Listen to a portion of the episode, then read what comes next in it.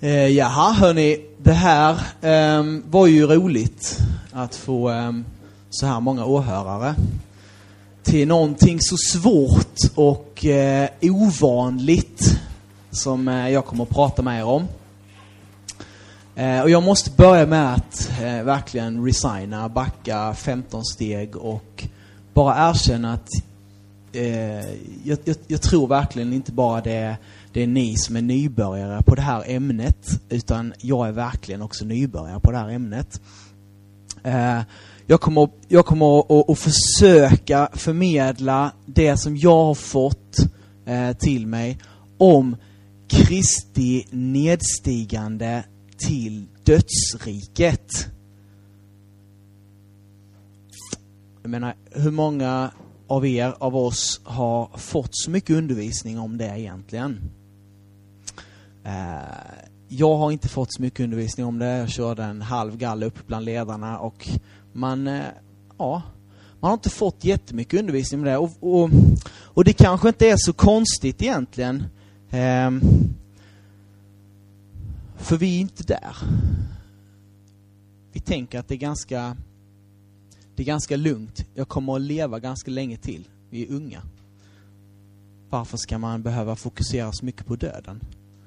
Eh, och gör vi det egentligen så mycket i dagens samhälle eller bland oss? Vi är livsbejakande, vi vill eh, inte tänka så mycket på döden. Vi vill istället, okej, okay, vad, vad, kan jag göra med mitt liv? Och, och all undervisning som vi, som vi fick igår om korset, där vi inte behöver dö, utan vi får liv istället. Eh, och hur ska jag kunna formulera ett, ett problem för oss som vi ska försöka lösa de här timmarna när det problemet har sin clue, sin poäng, sin vändning i en tillvaro efter hela våra liv. Hur ska jag ha en chans att kunna vara relevant för er? Det är en sämsta tänkbar kombination att sitta och stå och prata en massa dösnack för unga livsglada ungdomar. Eh, jag anar mina odds och ni får ha fördrag med de oddsen. Jag tror icke desto mindre att vi är på helt rätt ämne, för det är påskafton idag. Igår så korsfästes Jesus. Imorgon så uppstår han. Men däremellan så, så är det ett skeende. Det är någonting som händer. Eh, min förhoppning är bara att ni ska få um, att, att, vi ska få lära oss någonting. Kanske blir det för första gången och kanske blir det oh no shit, det där visste jag redan. Och en del bara wow, det här fattar jag inte, det har jag aldrig hört innan. Det kan bli högt och lågt. Jag tror det är den chansningen vi måste ta om vi ska ge oss i kast med ett ämne som, som många undvika, som många inte vill prata om. Eller så. Man tycker det är svårt eller man tycker det är irrelevant, det är ett sen. Varför ska vi snacka om det nu? Men jag tror att vi behöver ha den, eh, behöver sniffa nyfiket efter vad vi kan lära oss idag. Eh, så det jag tänker, det tar vi med oss och så ber vi helt kort. Tack Gud för den här dagen, påskafton, för sabbaten judarnas sabbat, denna vilodag. I många av, eh, de, ja, ett enda evangelium, men i många av de texterna så står det inte ett smack om den här dagen, utan det går direkt från fredag till söndag. Men Gud, vi ber ändå att du ska få eh, räcka oss ett evangelium idag.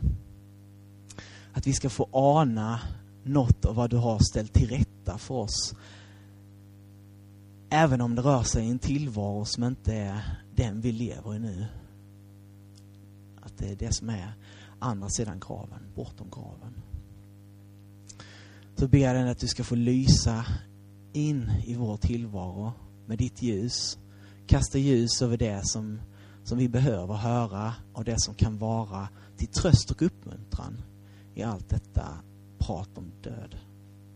Ehm, ber dig om nyfikenhet, att vi ska få eh, tillsammans verkligen forska efter och få lära oss någonting den här stunden.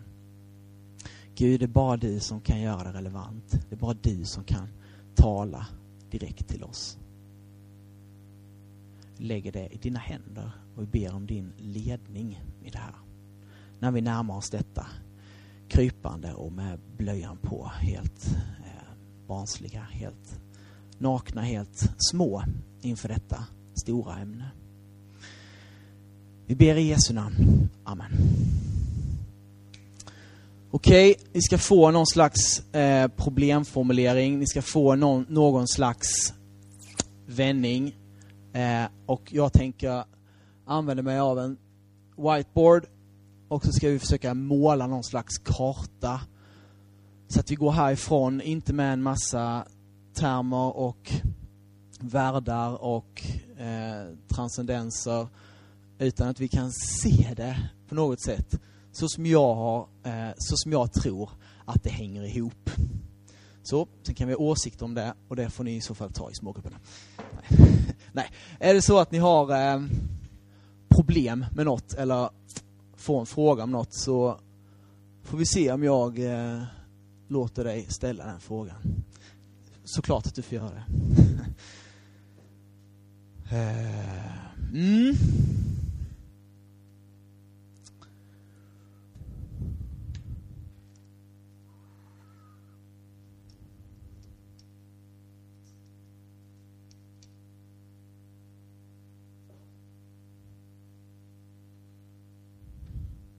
Då ska vi se.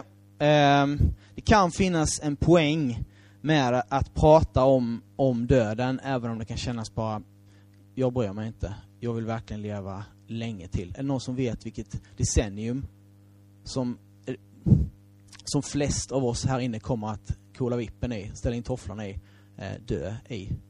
Ehm, eh, alltså, man, man, har inte tänkt, man har inte en tanke på det, vi är inte där, eller hur? Man tänker inte alls på det idag. Jag tror att det kommer handla om 2070-talet. Då är de flesta av er mellan 75 och 85 år gamla och gaggiga. Och kanske kommer ni att då eh, gå i graven. Ja. Eh. Min mor, hon jobbar som kantor i Kristianstad. Hon spelar på minst en begravning i veckan. Och ofta så får hon höra, eh, som anställd där då, i försnacket med, mellan de anhöriga och prästen så här, vi vill ha det ganska enkelt. Bara, bara lite enkelt sådär, inte, inte för mycket så eh, och mamma kan reagera på det och berätta för oss där hemma, så vadå enkelt? Vad är det som är enkelt med att förlora en, en familjemedlem? En mor eller en far? Eh, och det uttrycker det här att man, eh, man förminskar döden, man förskjuter den, man, man vill inte prata, man vill inte tänka på den. Jag vet inte om du känner igen dig. Eh. Men det som händer, det är att man lär inte känna döden, man lär inte känna eh, fortsättningen. Man, man, man vill inte känna den smärtan. Eh, och det, det, är no, det, är, det är väl något naturligt över det, att man inte vill känna smärta, man vill fly ifrån det om man kan, man vill akta sig för det. Eh, men man missar sorgeprocessen, en viktig del, eh, och man missar också att förbereda sig på att dö. Hur attraktivt låter det här? Eh, ehm, det är det det som är faran med om man inte gör det, det är att eh, inför det okända så blir vi rädda. Om vi inte lär känna, om vi inte får undervisning om döden, eller fortsättningen, så kan man bli rädda. Det kan växa till någonting skrämmande. Det kan växa till någonting fasansfullt. Eller så. Um, tänk er själva om ni är i ett mörkt rum och ni ser inte och så hör ni något prassla i ett hörn. Så det är klart man undrar, man har en ganska bra fantasi. Man kan bli rädd. Ehm, det kanske bara var ett fönster som var öppet, vinden blåser in och ja, det var en papperslapp som flög. Så. Hade ni vetat det däremot så hade ni inte blivit det minsta rädda. Jesus i ett semane, han, han möter döden ansikte mot ansikte. Han förbereder sig och vet, han visste om att han skulle dö. Och han möter döden. Mm.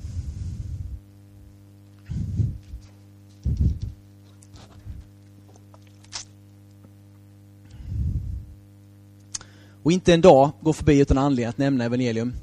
Inte heller påskafton. Eh, när Jesus ligger i graven så är han ändå mer gudomligt aktiv än på länge. Det är en liten gåta i det, men vi ska reda ut det. Eh, så vad säger då Bibeln om det här, om dödsriket? Eh, och jag har fått några centrala bibelställen som jag tänker att vi ska hänga upp undervisningen kring. Eh, och då ska vi se här. Jag skriver upp dem och sen så kan jag läsa dem helt kort utan vidare kommentar. Och sen går vi vidare när vi får dem tillämpade i sammanhanget. Första Petrusbrevet 3, 18 och 19. Oj. Första Bertilsbrevet, första Petrusbrevet. 4 och 5, 6.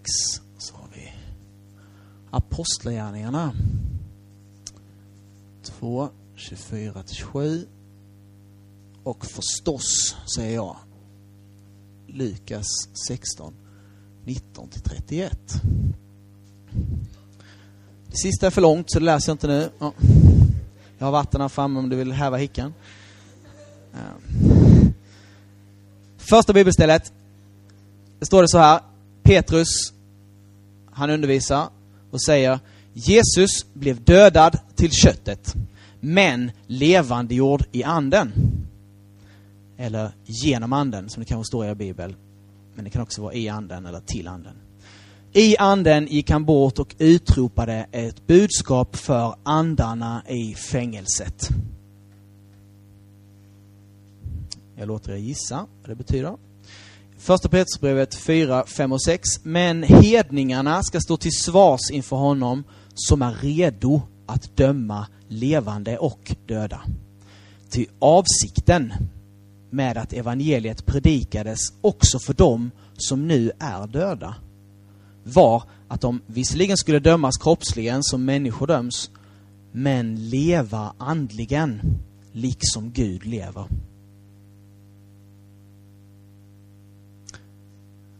Och Apostlagärningarna 2, 24-27 innehåller en tag till Gamla Testamentet, Psaltaren 16. Låt så här. Men Gud har uppväckt Jesus och löst honom ur dödens vånda eftersom det inte var möjligt att han skulle behållas av döden. David säger med tanke på honom, jag har alltid Herren för ögonen. Han står på min högra sida. Högra sida är som rättvisa, värn, försvar, advokat. För att jag inte ska vackla. Därför gläder sig mitt hjärta och jublar min tunga. Ja, också min kropp ska vila i det hoppet att du inte ska lämna mig i graven eller låta din helige se förgängelsen. Lukas väntar vi med. Är ni nyfikna så är det den rike mannen och Lazarus i dödsriket. Okej. Okay. Jag har lovat er någon form av problemformulering. Och då Så, nu hörs inte flåset. Eh, och det får väl i så fall vara ungefär... Eh, eller, vad är problemet med dödsriket och din ankomst dit? Vad skulle vara, vad skulle vara faran med att hamna i dödsriket? Så. Fattar vi den mm. Okej. Okay. Det är nu, idag, som Jesus befinner sig i dödsriket. Han har stigit ner i dödsriket. Så vad är då dödsriket för en plats? Eh, på hebreiska så heter den så kallas den Sheol. Och på grekiska Hades. Hades, det kanske ni har hört ifrån eh, grekiska mytologin om dödsriket. Eh, en plats där de dödas själar samlas. Och det fylls ju på hela tiden. Varenda människa som dör hamnar i Sheol eller Hades. Eller själen hamnar där. Är det någon som vet eller kan uppskatta ungefär hur många människor som dör varje dygn i världen?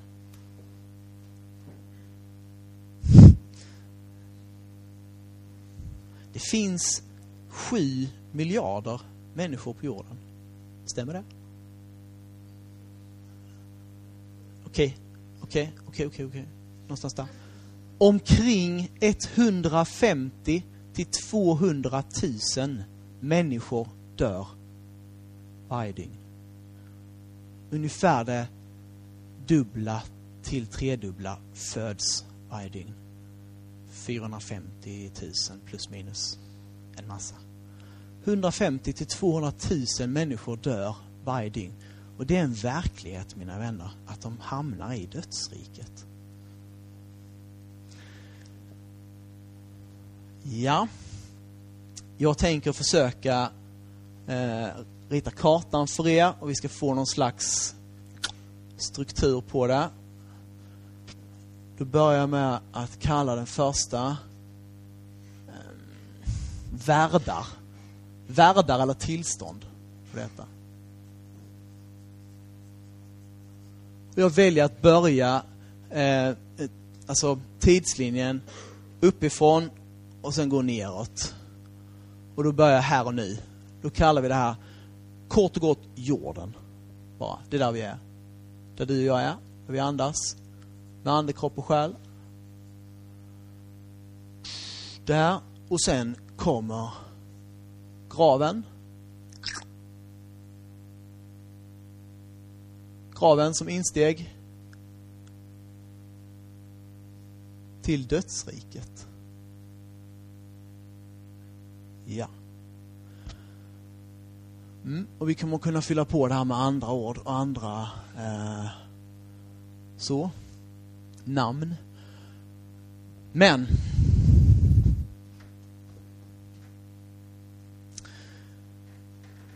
Först vill jag ändå bara säga hur, så vi får en känsla för vad, vad Bibeln innan Kristi nedstigande till dödsriket säger om vad det är för stuk på det här stället.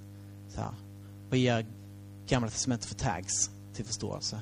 Eh, och i Första Mosebok 37 så säger han, Jakob, patriarken, säger att han inte ville låta sig tröstas utan sade, jag ska med sorg fara ner i, i dödsriket till min son. Så grät hans far över honom, över Josef. Fara ner i dödsriket. Och Job han säger, jag vet att du vill föra mig till döden, till den boning där allt levande samlas. Den boning där allt levande samlas. Och salmisten i Psaltaren 88, han uttrycker ganska mycket. Gör du under för de döda? Frågar han Gud. Kan skuggorna alltså de döda, stiga upp och tacka dig? Förkunnar man i graven din nåd, i avgrunden din trofasthet? Känner man i mörkret dina under, din rättfärdighet i glömskans land? Det är alltså känslan man får det är att det är inget verkligt liv i dödsriket. Inget, eh, egentligen inget annat än en, en, en typ av skuggtillvaro. Eh, det är inget, man har inte, man har inte kroppen där, man har inte, eh, man kan inte liksom tacka Gud i, i dödsriket, utan det är någon form av skuggtillvaro i glömskans land. Man har glömt någonting. Eh, det är inte, det är inte fullt ut liv.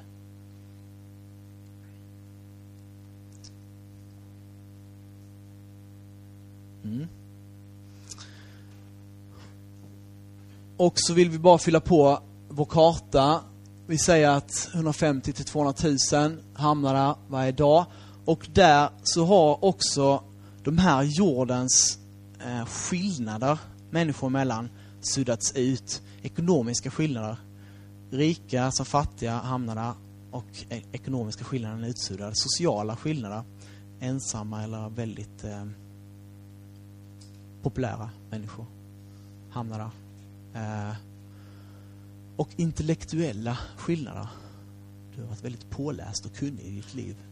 Så är det, det är samma plats du hamnar på som den som aldrig fick läsa en bok. Eller inte ens kunde läsa. Eh, så det är en, en uppsamlingsplats, en samlingsort för avlidna människor. Eh, och den tekniska datan som vi ska ha då, det är att kropp, kroppen, det nämns aldrig i Bibeln att den hamnar i dödsriket. Utan det är själen som förs dit. Så kroppen och själen skiljs åt. Kroppen hamnar i graven.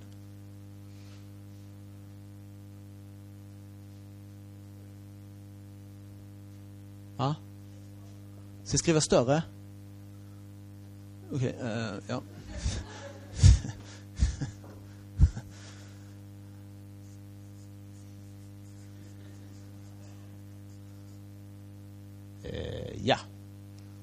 Hamna.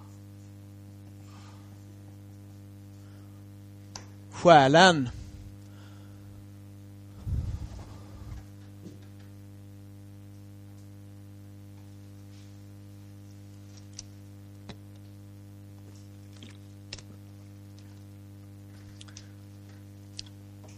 Och de förvarar...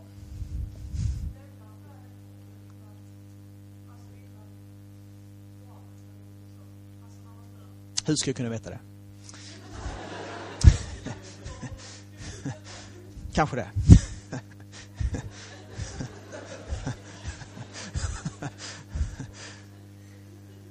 Det kanske handlar om sekunder. Jag vet inte. Jag är bara ärlig. Poängen är att de skiljs åt och mellan första döden,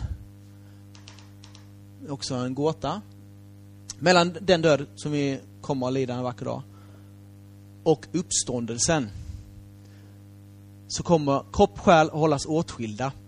Sen så kommer kropp och själ att återförenas på något sätt.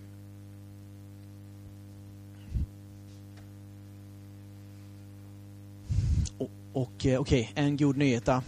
När du dör så kommer din gamla människa för alltid att dö bort från dig. Då kommer du inte att kunna synda något mer. kommer hamna på en annan plats. Men då är den kampen över. Ja, det är något att hoppas på kanske. kanske inte där, men... Mm.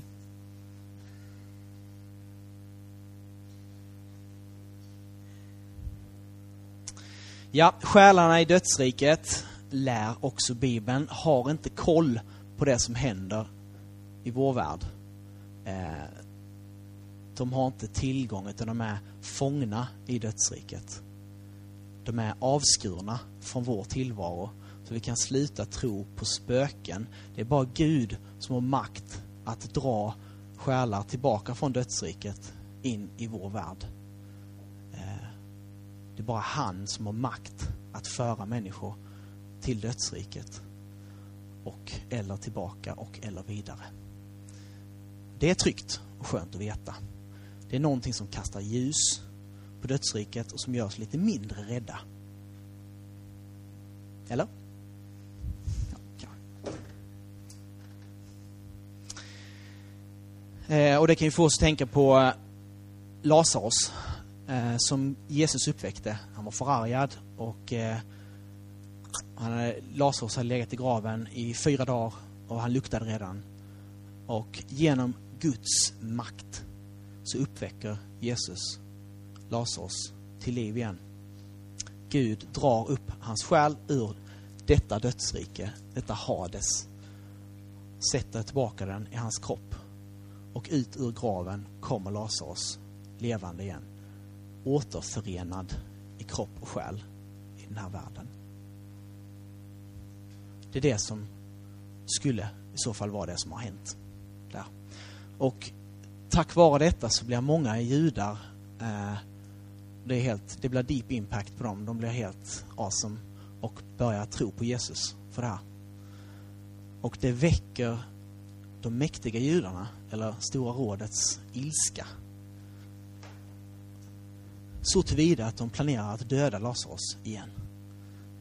Eh, man kan ju tänka sig det bryderi som Lazarus har, som kanske inte så många av oss har. Hur många gånger kan man dö egentligen? Eh, mm, ja.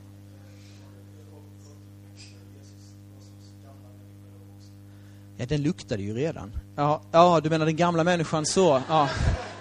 ja.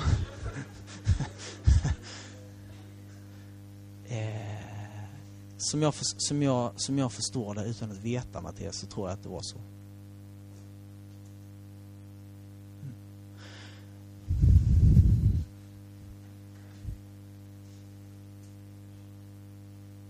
Mycket talar för det. Eh, Okej, okay, en annan Lazarus, eller samma, det vet jag inte. Ska vi läsa om nu. Då läser jag det fjärde bibelstället för er. För det här kan kasta lite nytestamentligt ljus också på dödsriket. Jag läser det här bibelstället för oss, så får vi vara lite grann i bibelordet. Det kan färga ganska mycket. Det kommer att färga en del av kartan här framför oss. Då läser jag om den rike mannen och Lazarus för oss. Det var en rik man som klädde sig i purpur och fint linne och levde var dag i glädje och fest. Men vid hans port låg en fattig man som hette Lazarus, full av sår. Han längtade efter att få äta sig mätt på det som föll från rike mannens bord. Ja, hundarna kom och slickade hans sår. Så dog den fattige och fördes av änglarna till platsen vid Abrahams sida. När han plågades i står helvetet i den här boken. Tittar vi vad det står att det ska översättas som. Ifrån förord så står det Hades. Eh, så att vi kan säga, när han plågades i dödsriket flyttade, lyfte han blicken och fick se Abraham långt borta och Lazarus hos honom. Då ropade han, Fader Abraham, förbarma dig över mig och skicka Lazarus att doppa fingerspetsen i vatten för att svalka min tunga till jag plågas i denna eld. Men Abraham svarade, mitt barn, kom ihåg att du fick ut ditt goda medan du levde, under det att Lazarus fick ut det onda. Nu får han tröst och du plåga. Och till allt detta kommer att det är en stor gapande klyfta mellan oss och er. För att de som vill gå över härifrån till er inte ska kunna det, och för att inte heller någon därifrån ska kunna komma över till oss. När rike mannen sade, då ber jag dig, fader, att du skickar honom till min fars hus för att varna mina fem bröder, så att inte de också kommer till detta pinorum. Men Abraham sade, de har Mose och profeterna, de ska de lyssna till. Nej, fader Abraham, svarade han, men om någon kommer till dem från de döda, omvände de sig. Sen det här bara absolute brilliance. Abraham sade till honom, och det är Jesus som undervisar och säger, lyssnar de inte till Mose och profeterna, kommer de inte heller att bli övertygade ens om någon uppstår från de döda och syftar på sig själv. Här får vi lite eh, godis. Vi delar upp dödsriket i två delar. Vi kallar det ena, det stod vid Abrahams sida. Ska vi kalla det någonting helt annat? Himmelens förgård.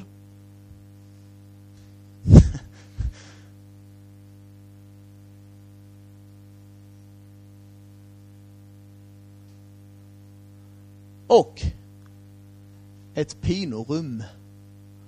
Och sen så tror jag nu att jag redan nu ska börja med att säga eh, jag här. Alltså vi kommer få words för världar, vi kommer få words för jag, för Jesus och sen så en sagoparallell. och den är bra, den kommer vi till. Skratta inte åt den. Eh, Okej, okay. eh, här hamnar Lazarus i himmelens förgård. Här hamnar den rike mannen i pinorummet. Dödsriket har två delar och det är en djup, gapande klyfta emellan.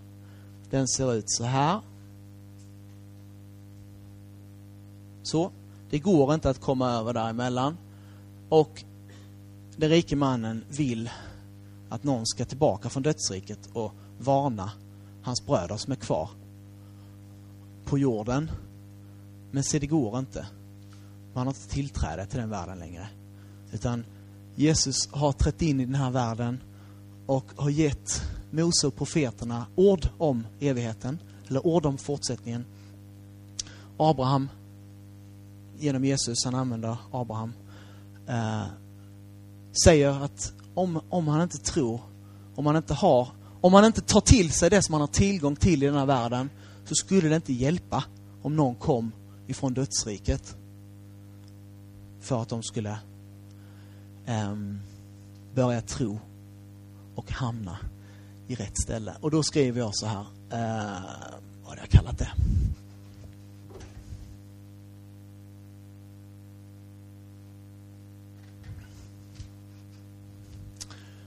Vi kan kalla det, um, ja, vi lever ett jordeliv.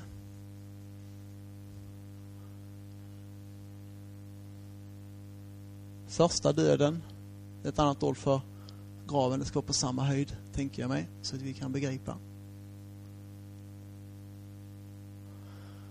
Och skriver vi troende och otroende eller förkastande.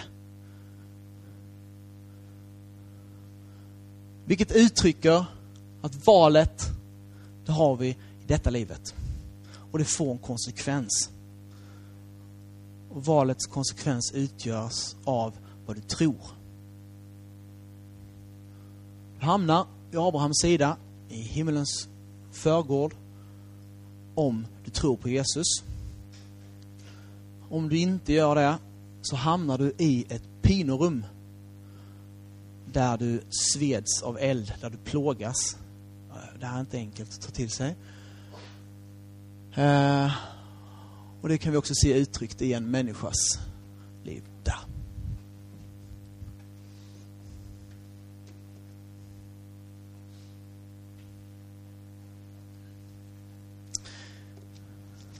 Sen ska jag läsa för er ett bibelställe i Uppenbarelseboken som berättar om dödsriket är ändligt eller evigt om det kommer att upphöra eller ej. Och jag, eh, det står så här i Uppenbarelseboken 20, 12 och 13, två verser. Och jag, det syftar på Jesu lärjunge Johannes, som har fått uppenbarelsen, såg de döda. Både stora och små stå inför tronen. Och böcker öppnades och ännu en bok öppnades, Livets bok. Och de döda blev dömda efter sina gärningar. Jag sa efter deras tro. Och jag tror det inte motsäger varandra. Efter vad som stod skrivet i böckerna. Och havet, det är bild för kosmiska kaoskrafter, eh, gav igen de döda som fanns i det. Och döden och, tada, står det helvetet i er bok, så kan ni också se att det är översatt från ordet Hades, dödsriket. Så då läser jag, och döden och dödsriket gav igen de döda som fanns i dem. Och var och en dömdes efter sina gärningar. Så jag får fram faktan att dödsriket är ett ändligt rike. Det kommer inte att vara för alltid. Det här är inte vår eviga förvaring, utan det är ett väntrum.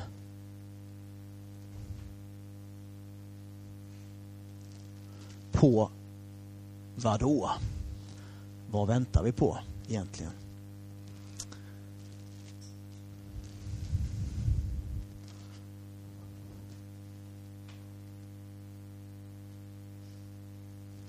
Väntrummet på vårdcentralen är tömt. Så personalen släcker lampan och stänger dörren. Varför säger jag det? Jo, därför att i följande vers så står det vad som ska hända. Vad som är slutet på dödsriket. Och vad står det där i vers 14 och 15? Döden och helvetet, eller som det ska stå, dödsriket, kastades i eldsjön. Detta, det vill säga eldsjön, är den andra döden. Om någon inte fanns skriven i Livets bok kastades han i eldsjön.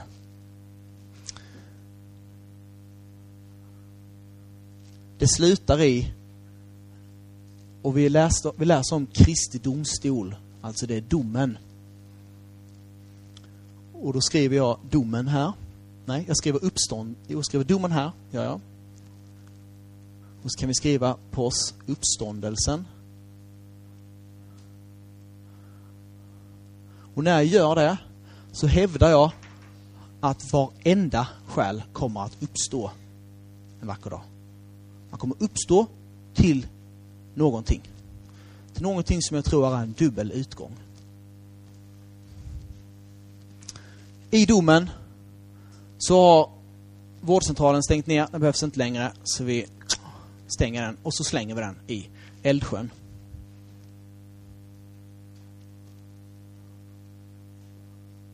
Det är inte vi som gör det.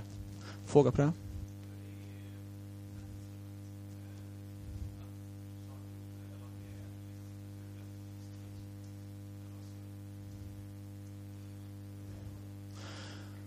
Betyder det att jag sa att dödsriket är ändligt, att det finns tidsuppfattning? Jag vet inte. Men eh, det bibelstället som, som är apostlagärningarna, tror... Nej, det bibelstället kan ni slå upp och så kan ni se, för där antyder, där antyds det nämligen att domen ska komma. Han som är redo att döma levande och döda. Det antyder att domen, den yttersta domen, uppståndelsen, Kristi domstol, har inte inträffat än. Om det är tidsuppfattning, om klockan funkar vet jag inte.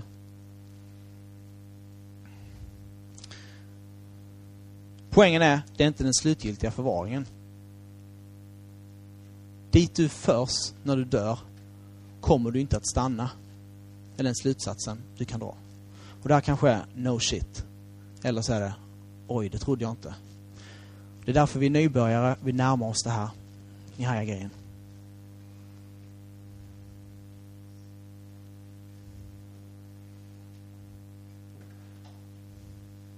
Okej. Okay. Då, ska jag, då, då är jag framme nu vid egentligen dagens stora vändning, dagens stora poäng. Och det är det vi kommer hänga upp. Hänga upp hela detta på. Och det är, någonting sker i och med att Kristus, Jesus, träder in i dödsriket.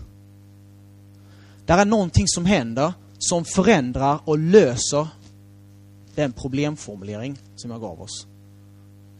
Varför, det, varför skulle det vara farligt för oss att hamna i, i dödsriket? Och då vill jag läsa det bibelordet igen, för det har jag skrivit här. Eh, så här. Jesus dör och träder in i dödsriket. Sen imorgon så uppstår han och spränger han gränsen och tar sig ut ur dödsriket. Då kan man säga, då har han nycklarna till porten in och ut ur dödsriket. Han äger stället. Han regerar där. Och då läser jag bibelstället för er. Första Petrusbrevet 4, 5 och 6, där det står Hedningarna ska stå till svars inför honom, som är redo att döma levande och döda. Ty avsikten med att evangeliet predikades också för dem som nu är döda var att de visserligen skulle döma, dömas kroppsligen, som människor döms, vid Kristi domstol, vid uppståndelsen. Men leva andligen, liksom Gud lever, i dödsriket.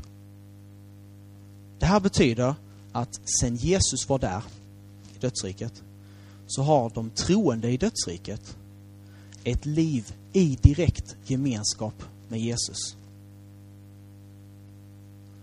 Jag ska försöka föra dig en millimeter närmare dig och säga, sen Jesus var i dödsriket så har du, om du trodde på Jesus, efter det att du dör och har hamnat i dödsriket, ett liv i direkt gemenskap med Jesus. Bättre än så blir det inte mina vänner. Det är det som jag tror är dagens evangelium till er. Och det kan kännas fjärran, det kan kännas långt ifrån. Men jag tror det är hela skillnaden.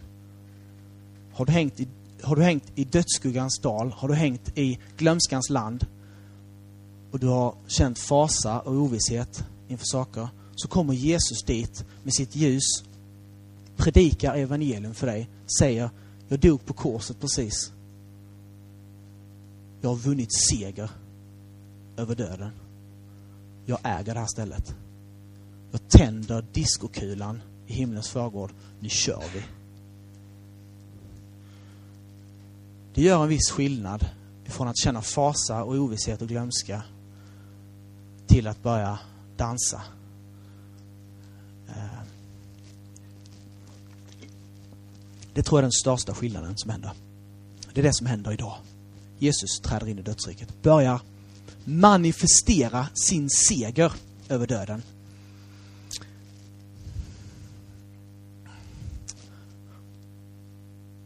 Vi ska ha en Jesuslinje. Och vi börjar med att kalla det förnedring. Jesus förnedras. Eh, när börjar Kristi förnedring? Den börjar när han inkarneras som människa. När han väljer, sonen i gudomen, väljer att bli människa. Då väljer han samtidigt frivilligt att avstå ifrån sina gudomliga egenskaper. Han gör, viss, han gör visst avkall. Han upphör inte att vara Gud. Men han avstår ifrån att aktivt använda till exempel sin allestädes närvaro. Han är på en plats. Han befinner sig i Israel. Han sätter sig i lydnad i ett förhållande till Fadern. Han har en perfekt upprättad bönerelation. Men han är en människa och han går in under en människas villkor och det kallas dogmatiskt en förnedring för honom. Förnedringen, den upphör i det som Daniel predikade om igår. När Jesus vinner seger på korset över döden. Så. Kraven, första döden, korset. Då, i samma ögonblick som han säger det är fullbordat, viker ner huvudet, ger upp andan och dör, så blir han mer gudomligt aktivt än på länge, som jag sa i inledningen. Då återupptar han fullt ut sina gudomliga egenskaper igen och börjar proklamera och manifestera sin seger i dödsriket. Han kommer dit fullt ut som Gud och fullt ut i, an, i anden. I anden står det. Han kommer dit i anden. Det är en dogmatisk konflikt som finns som säger komma ner både som kropp och ande. Men vi läste i första bibelstället att han blev dödad till köttet men levande jord i anden och i anden så träder han in i dödsriket. Fullt ut som Gud, det är poängen. Tänder diskokulan, fest och firande. Ja, då skriver vi det. Eh, vi skulle kalla det för något så vi kan minnas det.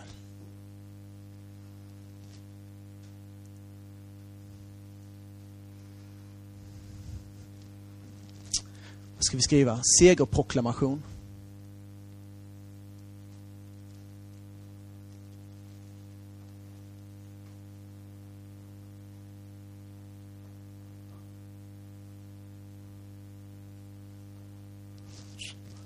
Fullt ut Gud, skrev vi också.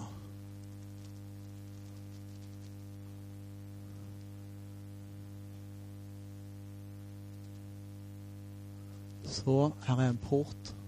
Kraven, första döden, korset. Första tillståndet, jorden, jordeliv, förnedring. Dödsriket, Hades, Sheol. Väntrummet, himmelens förgård, pinorum och eh, Abrahams sköte. Och sen så kommer nästa port, domen, uppståndelsen. Och Jesus uppstår också. Han blir uppväckt från de döda. Jag ska inte avslöja det som händer. Så. har vi lite koll. Då tänker jag att det vore skönt att bryta av med en sång. Så det gör vi.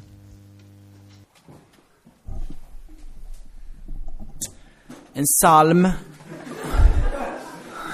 Ja, helt rätt.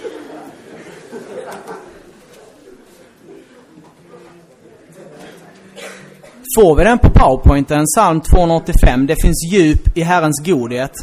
Jag har valt, jag har valt den salmen för att den rör väldigt mycket vid de här olika tillstånden och eh, uttrycker också vår, vår eh, förhoppning om, eh, om vad Jesus har gjort. Och mycket som vi inte förstår, gränser som ingen kan se, men som jag försöker skriva på en karta för er.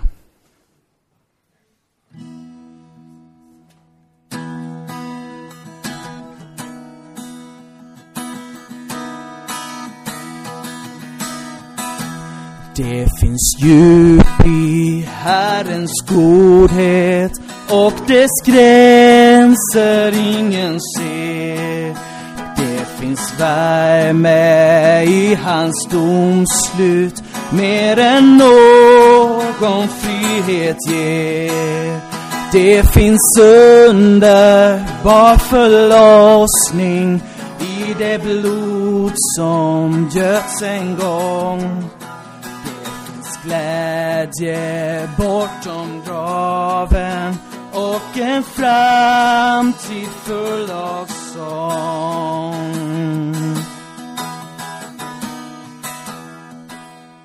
Det finns nåd för nya världar mycket större än den här nya skapelser och tider nåd för allt som blir och är. Det finns underbar förlossning i det blod som göts en gång. Det finns glädje bortom graven och en framtid full av sång.